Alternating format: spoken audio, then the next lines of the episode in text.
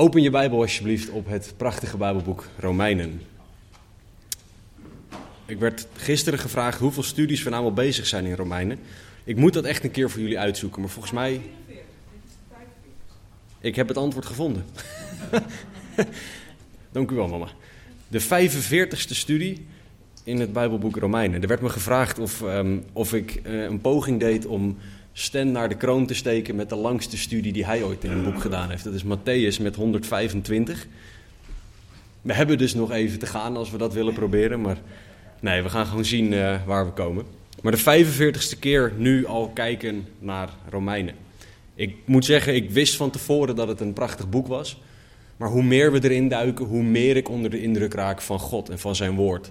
En van zijn glorie. En de afgelopen twee zondagen hebben we specifiek naar iets gekeken waardoor we onder de indruk mogen raken, horen te raken van God. We hebben gekeken naar wie de God is die voor ons is. Want Paulus wil ons bemoedigen in Romeinen 8. Hij zegt dat we mogen weten, als God voor ons is, wie zal tegen ons zijn? En daarom is het zo'n zegen om uit te vogelen wie die God is, zodat we op basis daarvan bemoedigd zijn, omdat Hij het is die voor ons is. En we hebben gezien dat God oneindig is en dat dat de basis is voor al zijn dingen, want alles wat Hij is, is Hij oneindig. Er komt nooit een einde aan een van zijn eigenschappen. We hebben gezien dat God almachtig is, dat God trouw is, soeverein, dat Hij liefde is, zoals liefde gedefinieerd wordt door de Bijbel. We hebben gezien dat God rechtvaardig is en eentje waar we niet zoveel over nadenken, dat God een verterend vuur is. En allemaal eigenschappen die wij mogen leren kennen. En nog veel meer eigenschappen zijn er van onze God. We mogen Hem kennen, we mogen ook al deze eigenschappen ervaren. Want God is niet een God van intellectueel niveau, dat we alleen maar Hem op intellectueel niveau kunnen kennen. Maar Hij wil ook dat we Hem ervaren voor wie Hem is. En door Hem te leren kennen kunnen wij gerustgesteld worden. Want de context van Romeinen 8 is dat we het hebben over heiliging. En over niet altijd leuke situaties. Soms zelfs pijnlijke situaties. Situaties waarin je vraagt: waarom Heer? Waarom ik? Waarom nu? Waarom op deze manier? En dan mag je weten: als God voor ons is, wie zal tegen ons zijn? Dan mag je weten dat de God van de Bijbel voor jou is als jij in Hem gelooft. En dan mag jij weten dat dat ongelooflijk geruststellend is. Want Hij is groter dan alles en iedereen. En de oproep is dan ook om Hem beter te gaan leren kennen, om zelf het woord te gaan bestuderen, zodat je uiteindelijk ook zal gaan leven naar wie Hij is. Dat hebben we vorige week allemaal gezien en vanochtend gaan we zien dat God ons alle dingen schenkt. De God die voor ons is, schenkt ons alle dingen die we nodig hebben. En daar mogen we door bemoedigd worden. Laten we lezen Romeinen hoofdstuk 8, vers 31 tot en met 35. Wat zullen wij dan over deze dingen zeggen, zegt Paulus. Als God voor ons is, wie zal tegen ons zijn? Hoe zal Hij, die zelfs zijn eigen zoon niet gespaard heeft, maar voor ons allen overgegeven heeft, ons ook met Hem niet alle dingen schenken? Wie zal beschuldigingen inbrengen tegen de uitverkorenen van God? God is het die rechtvaardigt. Wie is het die verdoemt? Christus is het die gestorven is. Ja, wat meer is, die ook opgewekt is, die ook aan de rechterhand van God is, die ook voor ons pleit. Wie zal ons scheiden van de liefde van Christus? Verdrukking of benauwdheid, vervolging, honger, naaktheid, gevaar of zwaard? Heren, we danken u voor deze tekst, heren. We danken u voor de vragen die Paulus hier stelt. En heren, dank u dat in elke situatie het antwoord is, als God voor ons is, wie zal tegen ons zijn? Heren, spreek alstublieft vanochtend tot onze harten. Spreek alstublieft, zodat wij zullen zien dat u de God bent die ons alle dingen schenkt. Heer, alle dingen die wij nodig hebben. Heer, toon ons alstublieft uzelf vandaag, zodat wij meer en meer onder de indruk zullen raken van wie u bent. En dat wij meer zullen leven tot uw eer. Spreek tot onze harten, raak ons aan. Laat er niks van mij bij zitten, geen enkel woord van mezelf. En we vragen dit in Jezus' naam. Amen. In vers 31 en 32 is Paulus de overgang aan het maken vanuit de uitleg over heiliging waar hij mee bezig was en de lastige situaties waar we in kunnen zitten, naar het antwoord op de vraag: als God voor ons is, wie zal tegen ons zijn? Paulus wil ons bemoedigen, juist ook in de wetenschap dat we door moeilijke tijden heen zullen gaan. En hij laat zien dat dit heiligingsproces Gods werk in de zondaren is. In vers 29 hebben we gezien dat God wil dat wij allemaal gelijkvormig worden aan het beeld van zijn zoon Jezus Christus. Dat is het doel waar God naartoe werkt. En het werk van God is prachtig en het is bemoedigend. Daar kan je over lezen in vers 1 tot en met 17 van Romeinen 8. Dat zijn super bemoedigende versen. We zijn zijn kinderen, er is geen verdoemenis meer. Het is ontzettend fijn om te lezen. Maar dat heiligingsproces is, vers 18 tot en met 30, ook lastig en pijnlijk en ingewikkeld en zit vol vragen. En in dat heiligingsproces mogen we het soms lastig te begrijpen proces van redding, vers 28 tot en met 30, begrijpen. Of gaan zien en doorhebben dat we gewoon niet alles begrijpen. Want hoe werkt God al deze dingen perfect? Geen idee. We hebben de uitleg zoals die hier staat, maar alles tot in detail begrijpen zullen we nooit, want God is God en wij niet. Maar in alle belangrijke en ingewikkelde en soms pijnlijke en mooie lessen die Paulus ons aan het leren is, wil hij dat er één ding boven alle twijfel verheven is. God is voor ons. Als God voor ons is, wie zal tegen ons zijn? In het heiligingsproces is God bij jou. In het heiligingsproces is God in staat om jou te helpen, jou te leiden, jou te vormen. Dit is de almachtige, liefdevolle Vader die bij jou is. Die jou draagt en helpt en leidt. Juist ook als jij het niet meer ziet zitten. Als jij met twijfels en vragen zit. Dus wij moeten goed in onze gedachten houden dat God voor zijn kinderen is. God is niet tegen zijn kinderen. God is niet bezig om zijn kinderen tegen te werken. Maar hij is bezig om ze te vormen naar zijn wil. Hij wil dat we leven naar zijn wil, omdat dat de allerbeste wil is die er is. Zeker met kleine kinderen, en ik ben op het moment gezegend met twee prachtige kleine dochters. Kinderen weten soms niet wat goed is voor ze. Soms willen ze dingen die gewoon echt niet goed zijn voor ze. Bijvoorbeeld op de rand van, van iets staan om naar beneden te kunnen kijken. Want dan heb je misschien een mooi uitzicht. Maar tegelijkertijd weet je als ouder ook dat kleine kinderen de balans niet goed kunnen houden. Dus dat dat mooie uitzicht heel snel kan veranderen in iets vreselijks. Als een klein kind over de rand kukelt. Wij weten vaak niet wat goed voor ons is. Wij willen dingen, maar wij willen vaak dingen die helemaal niet goed voor ons zijn. Gods wil is de beste wil die er is. En daarom wil Hij dat wij leven naar Zijn wil, op Zijn manier. En daarom heiligt Hij ons, verandert Hij ons, kneedt Hij ons, zodat wij zullen gaan leven naar Zijn wil. En in dat proces mogen we weten, als God voor ons is, wie zal tegen ons zijn? En je kan het heel simpel maken. Onze papa is de grootste en onze papa is de sterkste. Kleine kinderen zeggen altijd: Mijn papa is de sterkste. Nou, wij kunnen dat letterlijk zeggen. Onze papa is de sterkste. Onze papa is de grootste. Onze hemelse papa is de grootste, de sterkste. Hij is heilig en hij is rechtvaardig. En dat is hoe we bij hem mogen komen. Als de grootste en de sterkste papa die er is. Als God voor ons is, wie zal er tegen ons zijn? Want mijn papa is groter. In 1 Petrus 5:8 staat er dat Satan rondgaat als een brullende leeuw. En terwijl God die, die hemelse papa is, die groter en sterker is dan alles, zijn wij mensen toch zo vaak afgeleid door dat gebrul van die leeuw. Wij vergeten in heiliging, in lijden, in pijn, in vragen en in moeite wie God is. Wij worden gericht op onze omstandigheden of op die harde, brullende stem die we ergens in de achtergrond horen. En het enige wat Satan wil is ons afleiden van God en van zijn woord. Want als Hij ons af kan houden van wie God is, dan zullen wij altijd op iets gaan vertrouwen dat minder is dan God. En alles dat minder is dan God, dat kan Satan overwinnen.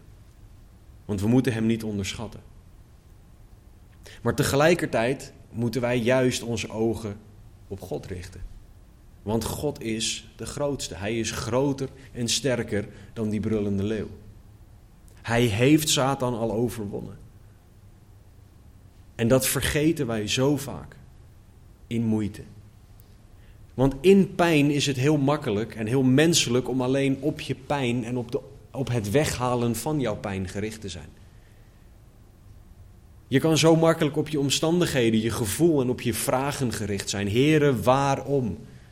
Heer, u ziet dit toch, waarom haalt u het niet weg? En Gods antwoord is eigenlijk nooit het antwoord dat je wil horen, namelijk het antwoord op de waarom-vraag. Maar Gods antwoord is wat jij nodig hebt. Als God voor ons is, wie zal tegen ons zijn? Waar jij ook doorheen gaat, God zelf is het antwoord. En dan niet een theoretisch iets over God, maar echt het kennen van God. Het jezelf dwingen om aan God te denken boven de situatie waar je doorheen gaat. Je gedachten op zijn woord dwingen, omdat je weet dat als je dat niet doet, je binnen twee tellen weer denkt aan de situatie waar je doorheen gaat. Soms moeten wij onszelf dwingen om niet te luisteren naar die brullende leeuw, maar om ons te richten op wat er hierin staat. Want dit zijn woorden van eeuwig leven. De woorden van Satan zijn dat niet.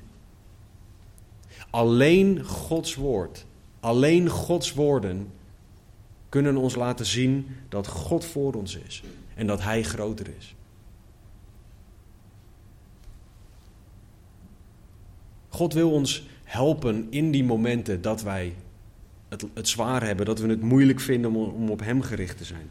Want Hij herinnert ons eraan wie Hij is. En dat doet Hij continu. Hij zegt in vers 32: Hoe zal Hij, die zelfs zijn eigen zoon niet gespaard, maar voor ons allen overgegeven heeft, ons ook met Hem niet alle dingen schenken? Wij vergeten zo vaak wat God ons al gegeven heeft. En hoe onwaarschijnlijk groot het offer is dat Hij gebracht heeft. God gaf maximaal van zichzelf. Toen wij nog zondaren waren. Hij gaf namelijk zijn zoon. Dat is de ultieme uiting van God, van zijn liefde. Als jij je afvraagt, houdt God wel van mij en hoe kan ik dat zien? En vaak komt dan ook een vorm van zelfmedelijden om de hoek kijken. Lees Romeinen 5:8. Leer die uit je hoofd. Dwing jezelf om op die momenten aan dat vers te denken. Want dat is de ultieme uiting van Gods liefde. Je ziet misschien nu in jouw omstandigheden het niet, maar die uiting van Gods liefde heeft Hij al gegeven. En daar mag je je aan vasthouden. Zijn liefde en zijn genade zijn zichtbaar, namelijk in Christus. Gods liefde en Gods genade zijn al ultiem zichtbaar geworden. Wij hoeven onszelf er alleen maar aan te herinneren. En als er één ding is wat de vijand niet wil, dan is het dat wij denken aan wat God gedaan heeft. En daarom herinnert God ons er juist aan. Daarom zegt hij in vers 32 dat hij zijn eigen zoon niet gespaard heeft en dat dat het fundament is waarop wij kunnen weten, daarom geeft God ons alle dingen. Alle dingen die we nodig hebben. We kunnen daarop vertrouwen omdat God ons alles al gegeven heeft dat we nodig hebben voor redding. Het maximale dat wij nodig hadden, heeft Hij al gegeven. Maar als wij luisteren naar die pijn, als wij luisteren naar dat verdriet, als wij luisteren naar die brullende leeuw die rondgaat, zijn wij op alles gericht behalve op Jezus. En we hebben nog goede redenen ook om dat te doen. Ja, maar ik heb pijn. Ja, maar ik zie het niet. Ja, maar jij weet niet waar ik doorheen ga. Alles begint bij Jezus als het aankomt op herstel. Alles begint bij Jezus als het aankomt op je situatie zien zoals je die moet zien. Alles begint bij Jezus. In het heiligingsproces, in het herstelproces, in het groeien naar wie God wil dat jij bent. Je kan daar niet beginnen met jouw omstandigheden. Als God voor ons is, wie zal tegen ons zijn? Hoe zal Hij, die zelfs zijn eigen zoon niet gespaard heeft, maar voor ons allen overgegeven heeft, ons ook met Hem niet alle dingen geven? Jezus is het bewijs dat God jou alles schenkt wat je nodig hebt. Daarom kan jij niet, christen, zonder jouw ogen op Jezus te richten. Jij kan niet anders dan je ogen op Jezus richten, want anders zal jij onderuit gaan. Alleen Jezus is sterk genoeg. Bijbelcommentator Matthew Henry heeft gezegd: Wanneer God voor ons is en wij in zijn liefde blijven, mogen we vrijmoedig al de macht van de duisternis trotseren.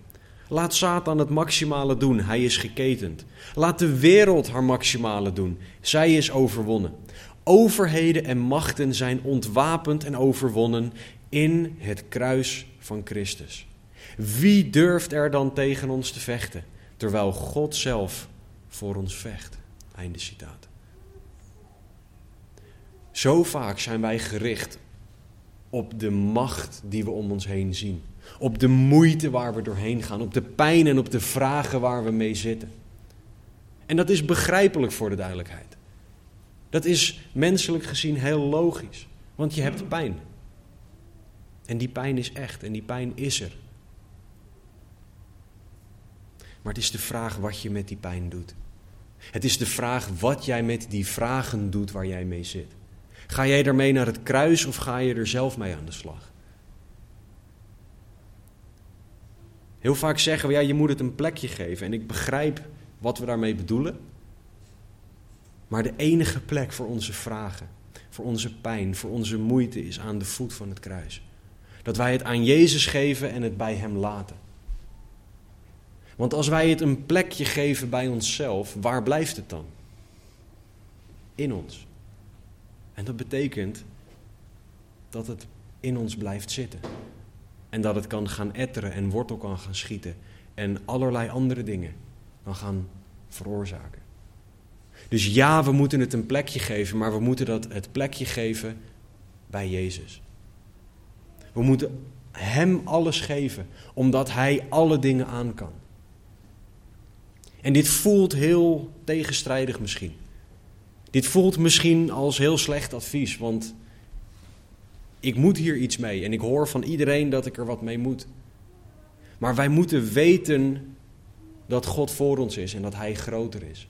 En dat daarom alle dingen bij Hem veilig zijn. Dat Hij de enige is die elke situatie aan kan.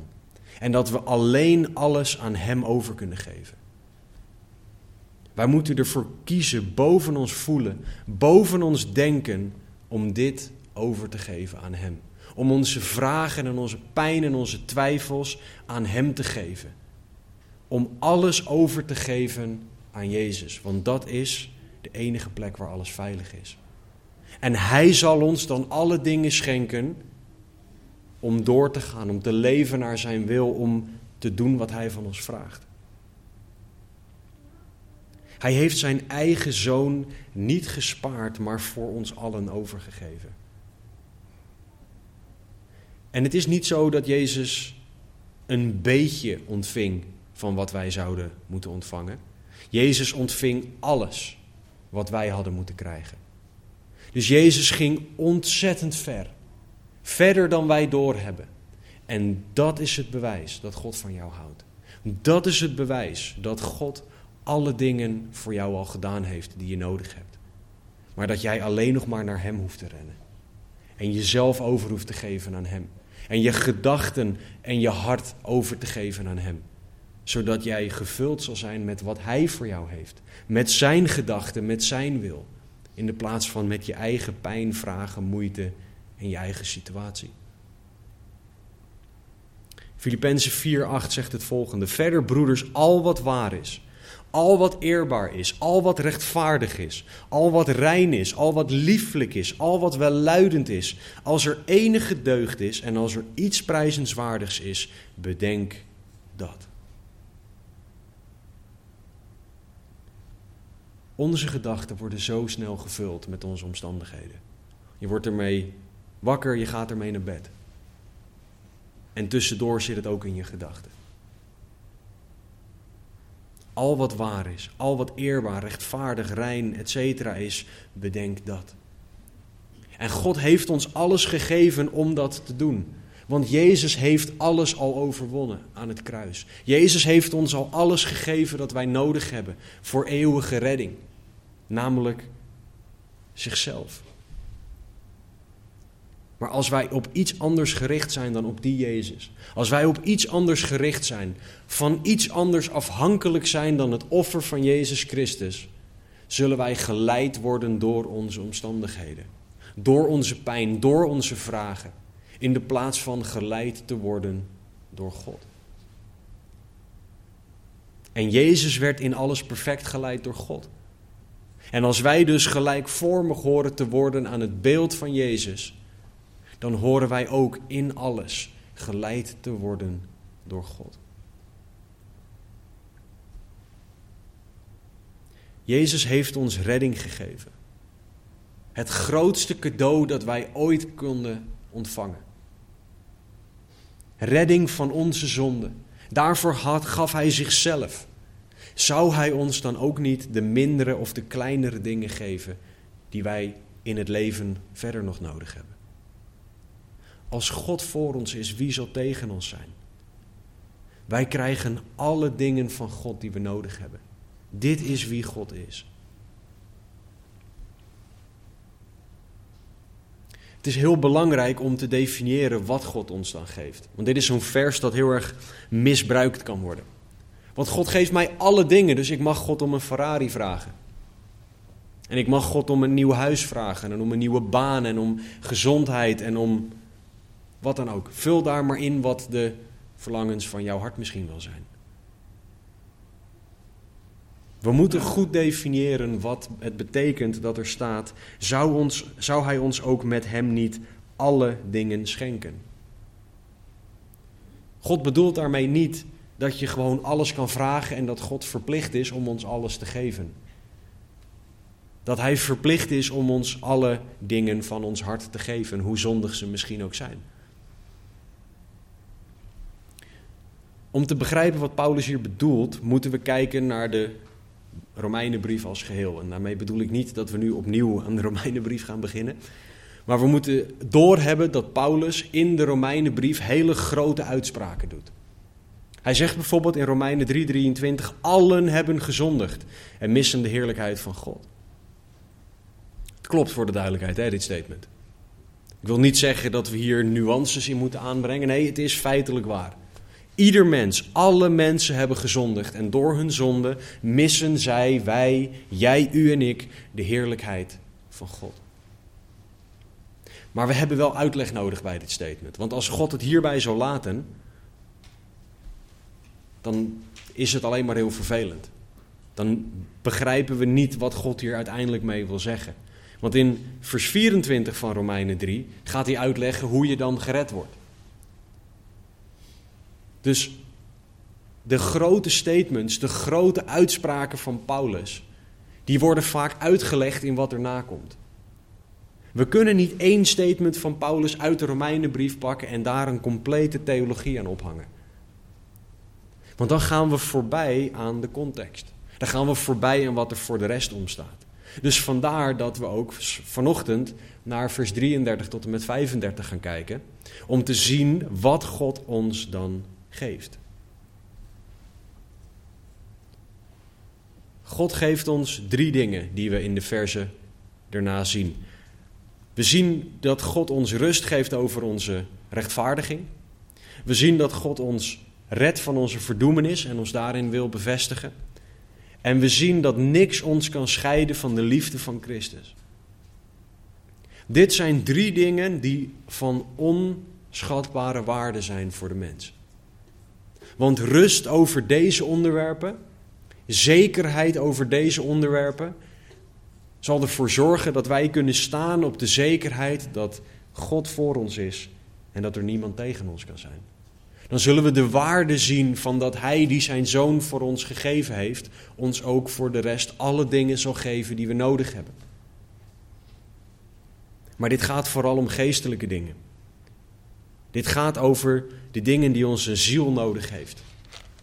Want dat is het primaire waar God in geïnteresseerd is, het belangrijkste.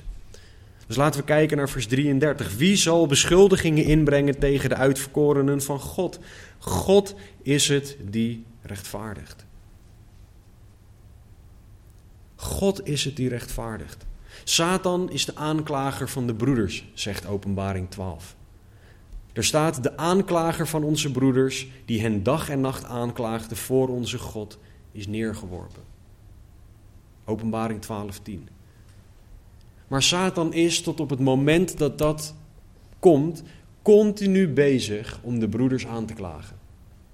En de zusters voor de duidelijkheid, voordat de dames denken dat zij hiervan uitgesloten zijn. Satan is continu bezig om ons aan te klagen. En ik zie dan zo voor me zo'n tv-serie waarbij je zo'n hele irritante advocaat hebt die maar staat te schreeuwen over hoe slecht iemand is. En over dat, ehm, dat die persoon schuldig is en, en, en al die dingen. Dat is wat Satan aan het doen is. Hij is continu een zaak aan het maken richting God over dat wij schuldig zijn. Hij is continu bezig om ons neer te halen. Continu bezig om te zeggen: kijk eens wat een zondaar die is. Kijk eens die de haan, kijk hem eens verschrikkelijk bezig zijn. Kijk hem eens falen. En het erge is dat hij gelijk heeft, want ik faal ook. En hij heeft, Satan heeft gewoon een hele hoop lijstjes met zonden die we begaan. Dus een hele hoop van de dingen die kloppen. Hij vertelt wat we fout doen. En dit is onder andere wat hij ook bij ons doet. Wat dat rondgaan als een brullende leeuw, wat dat betekent. Dat Satan ons er continu op wijst. Kijk eens wat een pannenkoek je bent. Je faalt. Kijk eens wat een zondaar je bent. Kijk eens waar jij tekort schiet. God die wil echt niets meer met jou te maken hebben. Je doet het nou alweer fout. Hoe kan God nou nog van jou houden? Wie zal beschuldigingen inbrengen tegen de uitverkorenen van God? God is het die rechtvaardigt. Satans woorden kunnen ons zo afleiden, kunnen ons zo bang maken, zelfs bang voor God maken. Ja, want misschien vindt God me wel echt niet meer lief. En misschien, ja, me, hoe, hoe, wat, wat nu? Ik ben nu beschuldigd en nu ja, eh, is, is Jezus bloed wel voldoende en gaat het wel goed als ik nog een keer zondig? En we kunnen gaan twijfelen aan God. Als wij niet vaststaan op het feit dat God ons rechtvaardigt, kunnen wij gaan twijfelen aan Gods beloftes. En uiteindelijk daarmee aan wat God gedaan heeft. Wij kunnen gaan twijfelen of we wel echt zijn kind zijn. Of we wel echt gered zijn. Of God ons niet aan het straffen is en dat we daardoor door deze situatie heen gaan. En Satan die wil twijfel zaaien. Hij wil dat we vragen gaan stellen die we niet hoeven te stellen omdat het woord ons daar antwoord op geeft. Hij wil dat we God gaan wantrouwen. Zoals we in de Hof van Eden al zagen, heeft God echt gezegd dat hij alle zonden vergeeft? Even toepassend op deze situatie. Heeft God echt gezegd dat hij ook dit vergeeft? Nee, echt niet. Satan kent ons zo goed. Hij weet wat hij moet doen om ons te laten twijfelen. En juist in pijn en in moeite gaan wij snel twijfelen. Omdat we door pijn en moeite heen gaan.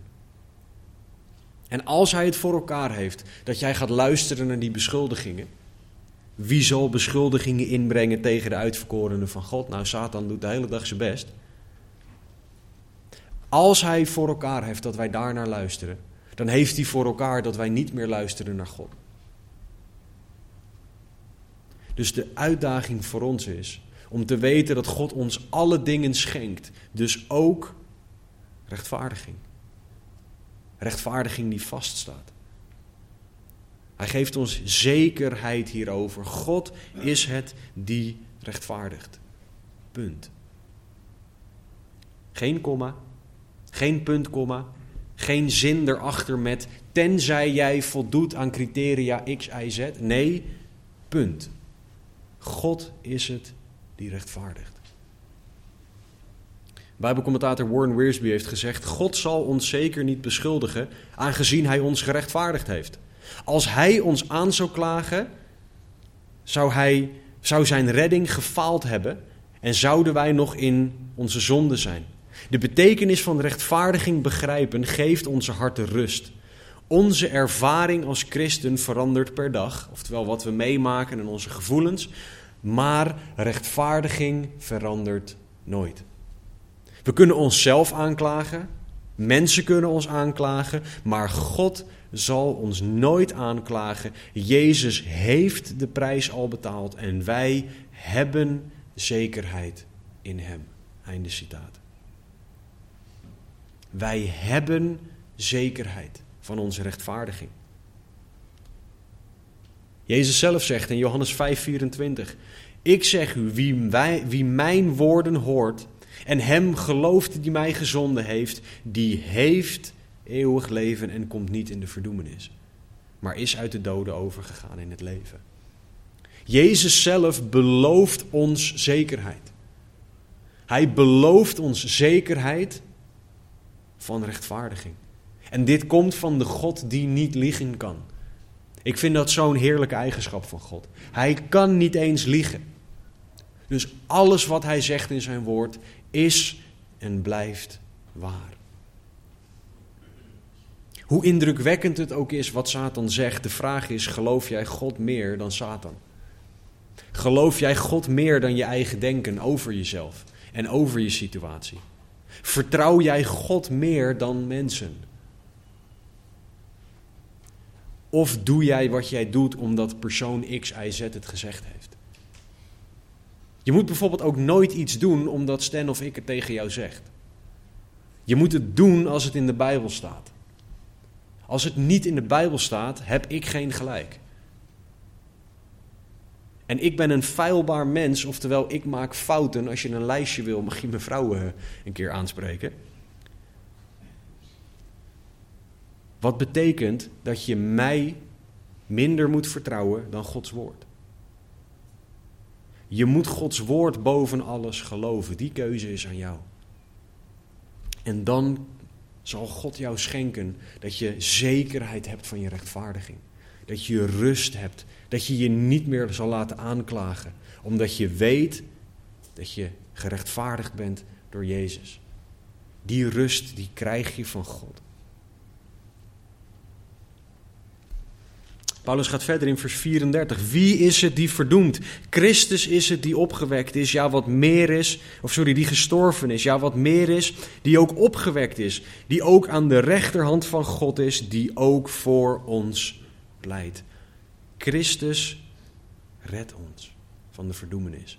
Niet alleen zijn we gerechtvaardigd, maar je hebt ook geruststelling van redding. God geeft ons dat.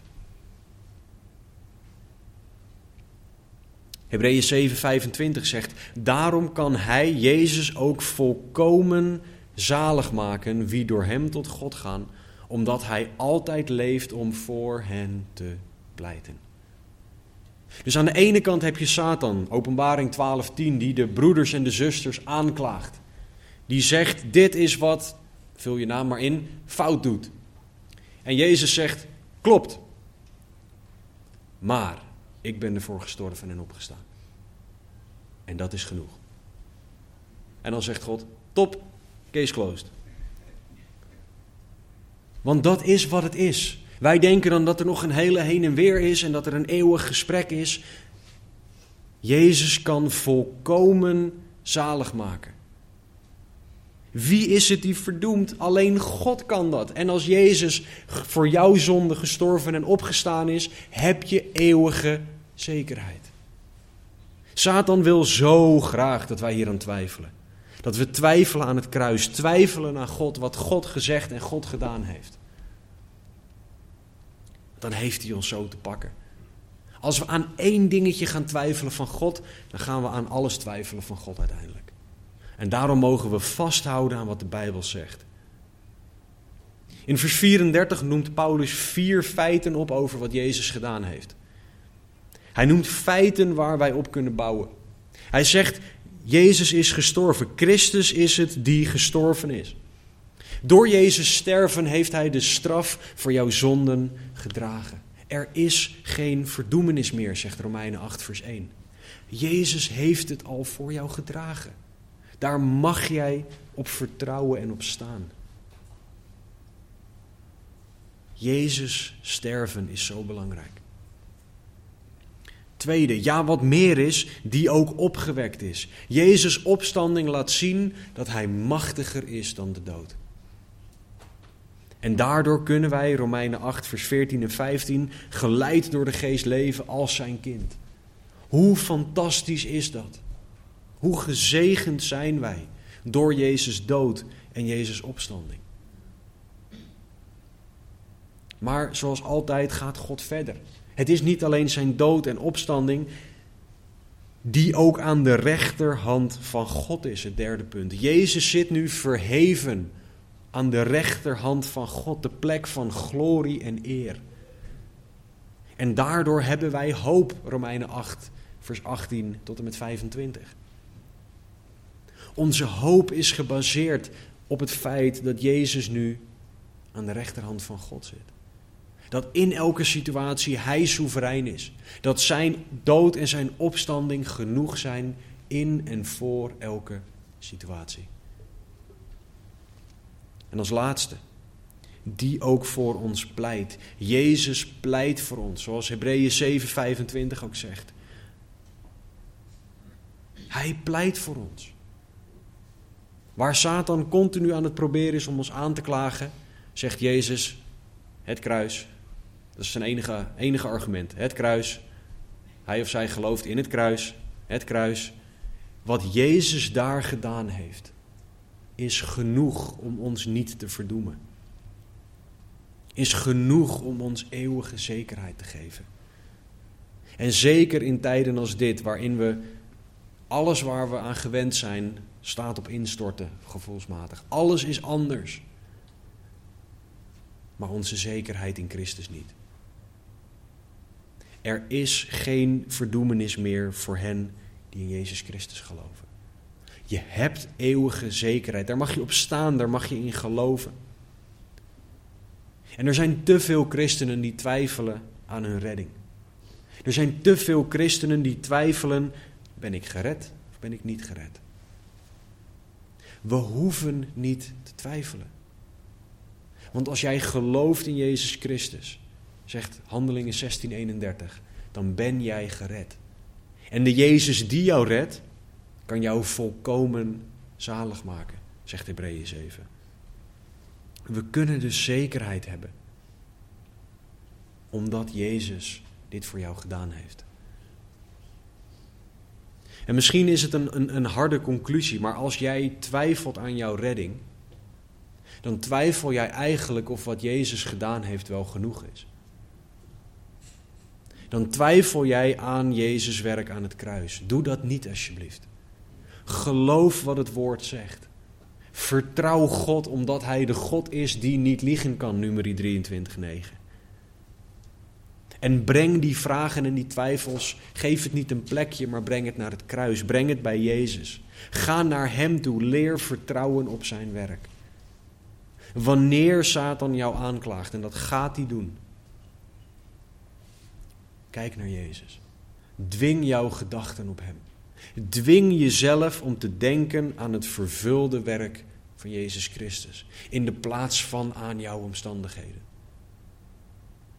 Want alleen Jezus kan jou helpen in en door je omstandigheden heen. Het derde punt wat Paulus aanhaalt van wat God ons geeft, alle dingen die God ons schenkt, staat in vers 35.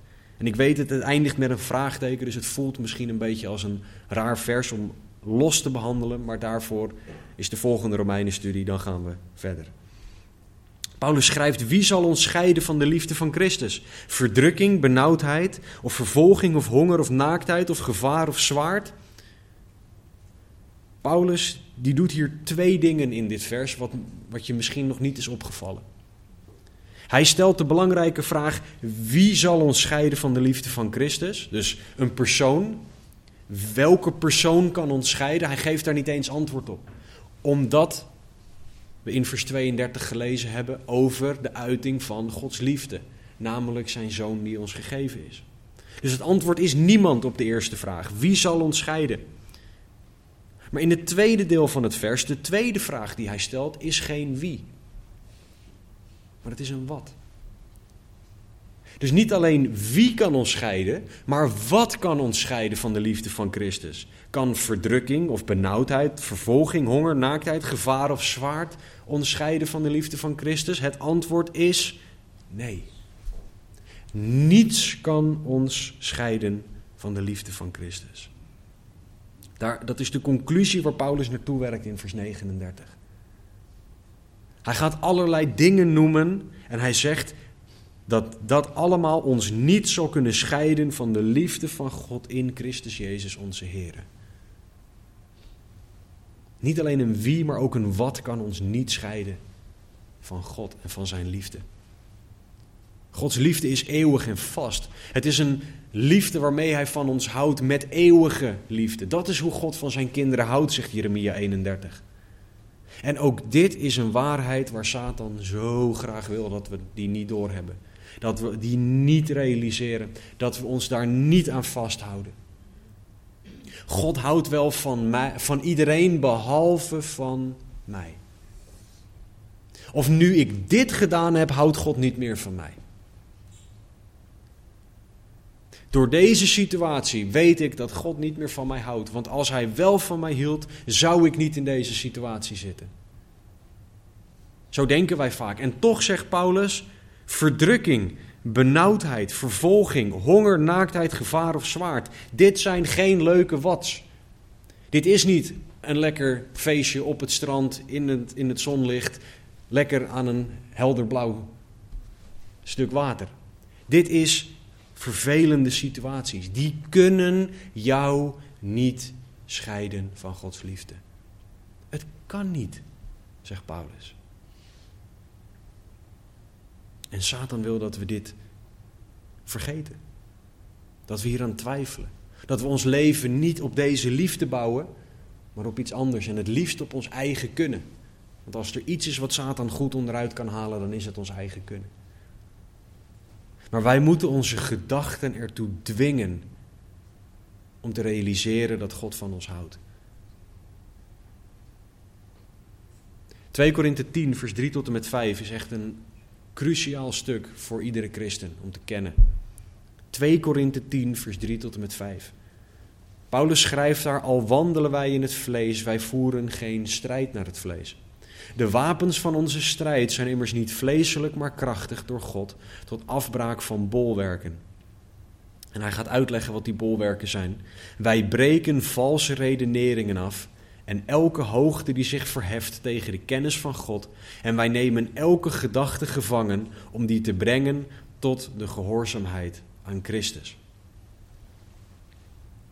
Satan weet dat we in een geestelijke strijd zitten. Dat we niet met vuisten bezig zijn om in deze strijd te overwinnen. En hij weet daarom dat hij ons in onze gedachten moet aanvallen. Want als hij onze gedachten te pakken heeft, heeft hij ook onze daden. Ik weet niet of het je wel eens is opgevallen, maar als je ergens aan denkt, dan wil je dat ook gaan doen. Ga nu maar bijvoorbeeld eens aan een stuk lekkere chocoladetaart denken, voor degene van jullie die dat lekker vinden. Dat betekent dat jij nu chocoladetaart wil eten, gemiddeld gezien.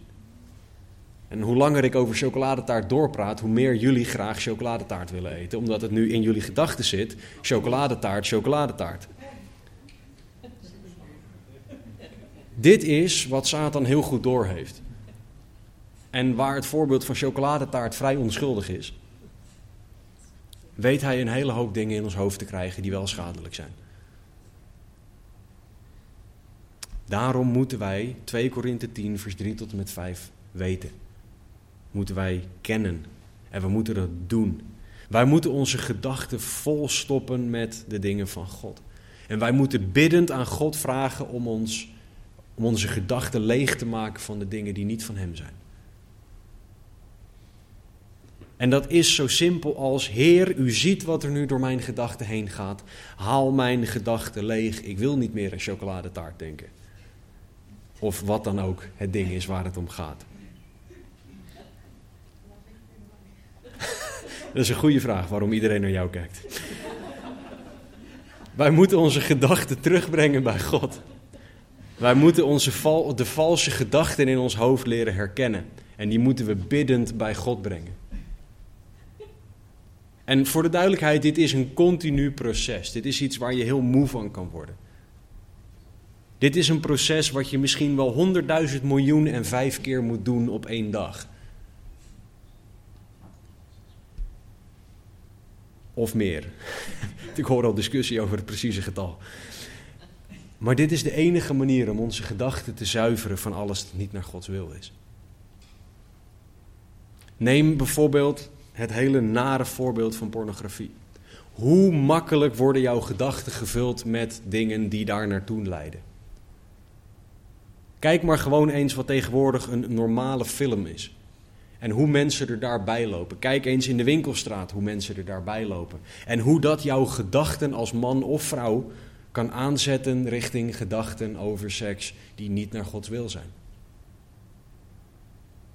Je moet jouw gedachten hier aanpakken. Je moet jouw gedachten zuiveren van de dingen die niet naar Gods wil zijn. Daarom ook Filippenzen 4:8. Alle dingen die daar genoemd worden, bedenk dat, schrijft Paulus. En waar ik nu pornografie noem, kan je ook woede of verlangen naar geld of naar positie of welke andere zonde dan ook invullen. Maar al die dingen beginnen in ons hoofd, omdat Satan onze gedachten volstopt met dingen die niet naar zijn wil zijn, om ons daarna te laten handelen naar dingen die niet naar Gods wil zijn. En specifiek Gods liefde is iets bij uitstek waar Satan ons aan wil laten twijfelen. Waardoor jouw gedachten volgestopt worden met: ja, maar God houdt niet van jou. Nee, echt niet. Nu heb je dit gedaan. Je hebt hieraan gedacht, hiernaar gekeken, hiermee bezig geweest. Je hebt alweer je Bijbel niet gelezen, alweer niet gebeden. God houdt niet meer van jou. Wie zal ons scheiden van de liefde van Christus? Verdrukking of benauwdheid of vervolging, honger, naaktheid, gevaar, zwaard? Ik ben ervan overtuigd, vers 38, dat nog dood, leven, nog engelen, nog overheden, nog krachten, nog tegenwoordige, toekomstige dingen, nog hoogte, nog diepte, nog enig ander schepsel, dus ook Satan niet, ons zou kunnen scheiden van de liefde van God in Christus Jezus onze Heer. Dat moet in onze gedachten zitten. Dat is wie in onze gedachten moet zitten, namelijk Jezus Christus. Christen, God schenkt ons alle dingen die we nodig hebben. Alle dingen die jij nodig hebt, geeft God ons. Vooral de geestelijke dingen, omdat we dat veel harder nodig hebben dan de fysieke dingen. We kunnen zekerheid van rechtvaardiging, zekerheid van redding, zekerheid van Gods liefde hebben. En juist in deze tijd, juist in het proces van heiliging, hebben we het zo nodig om hieraan herinnerd te worden. Om daaraan vast te houden. En je mag daar God om vragen. Dit is waar jij je naar uit mag strekken, waar jij je gedachten in mag leren sterken. In lastige tijden vergeten wij de zekerheid die we hebben. Vergeten wij wat Jezus voor ons gedaan heeft en wat Jezus ons al gegeven heeft. En juist in lastige tijden is het des te belangrijker om je gedachten te dwingen op de dingen van Jezus. Als jij nog niet gelooft, ik heb al een hoop dingen gezegd over redding. Deze redding is er voor jou, voor ieder mens. Geloof in de Jezus waar het hier over gaat. De Jezus die gestorven, opgewekt aan de rechterhand van God is, die ook voor ons pleit. Maar zolang jij niet gelooft in die Jezus, moet jij je eigen zaken bepleiten. Moet jij met je eigen rechtvaardigheid bij God staan. En hoe goed jij misschien ook bent, je bent nooit perfect. Jezus was perfect. Geloof in Jezus als Gods zoon. Beleid dat jij een zondaar bent die zijn redding nodig heeft. En de Bijbel belooft dat je dan gered bent. Stel het niet uit tot morgen, ja, dat komt wel een keer. Want je weet niet of er nog een keer is. Geloof nu. Christen, God is voor jou. En hij schenkt jou alle dingen die je nodig hebt. Sta jij op wie God is en dat hij voor je is? Of sta jij op andere grond? Realiseer je dat jij gerechtvaardigd bent en dat dit eeuwig en vast is. Leef jij naar het feit dat jij gerechtvaardigd bent? Of leef jij nog in angst of je wel gerechtvaardigd bent of niet? Christen, besef jij wat Jezus voor jou gedaan heeft? En dat jij daardoor niet verdoemd bent, maar dat jij eeuwig gered bent. Christen, leef jij naar het feit dat Gods liefde niet door een wie of een wat, een persoon of een situatie van jou weggenomen kan worden? Of leef jij naar, het, naar de leugen dat de liefde er voor iedereen is behalve voor jou? Laten we bidden. Heere God, dank u wel dat u ons alle dingen schenkt. Heer, alle dingen die wij nodig hebben. Alle dingen die wij ooit nodig kunnen hebben, Heer, geeft u ons. Heer, het is genade, het is onverdiend. En daar danken we u voor. Heer, het is nooit zo dat het gaat om wat wij zelf kunnen bereiken, maar het gaat om wat u al gedaan hebt. Heer, het gaat niet om hoe goed wij zijn, maar het gaat erom hoe goed u bent. Dank u wel, Heer, dat u ons alle dingen schenkt. Dank u wel, Heer, dat u rechtvaardigt. Dat u het bent die ons gered hebt. Dat niks en niemand ons kan scheiden van uw liefde. Heer, u bent zo goed. Heer, overtuig alstublieft een ieder hier. En ieder die meeluistert of die dit naluistert. Overtuig hen alstublieft van wie u bent. En overtuig hen van het feit dat u hen alle dingen schenkt die ze nodig hebben. Heren, dat er geen rechtvaardiging buiten u is. En dat die rechtvaardiging vast is. Dat er geen redding buiten u is en dat die redding vast is. En heren, dat uw liefde eeuwig en zeker is. Wat een genade, heren, wat een liefde. Toon ons uw glorie, alstublieft. En laat in ieder alstublieft zien wie u bent. Heren, dat vragen we in uw almachtige naam, in Jezus' naam. Amen. 1 Johannes 5:13. Deze dingen heb ik geschreven aan u die gelooft in de naam van de Zoon van God, opdat u weet dat u het eeuwige leven hebt en opdat u gelooft in de naam van de Zoon van God. Opdat u weet dat u het eeuwige leven hebt. Er is zoveel zekerheid die we kunnen hebben. Zoveel rust die we kunnen hebben. Door wat Jezus voor ons gedaan heeft. Het aanbiddingsteam gaat ons leiden in, in twee liederen. Als je gebed wil, loop naar een van de mensen toe die aan de achterkant van de zaal staan. Die zullen een keycord om hebben. Dan kan je met hem bidden. Wat je situatie ook is, wat je vragen ook zijn. Waar je mee zit, het maakt niet uit. Bid. Ga naar God toe met alles, want Jezus Christus is het antwoord op elke situatie.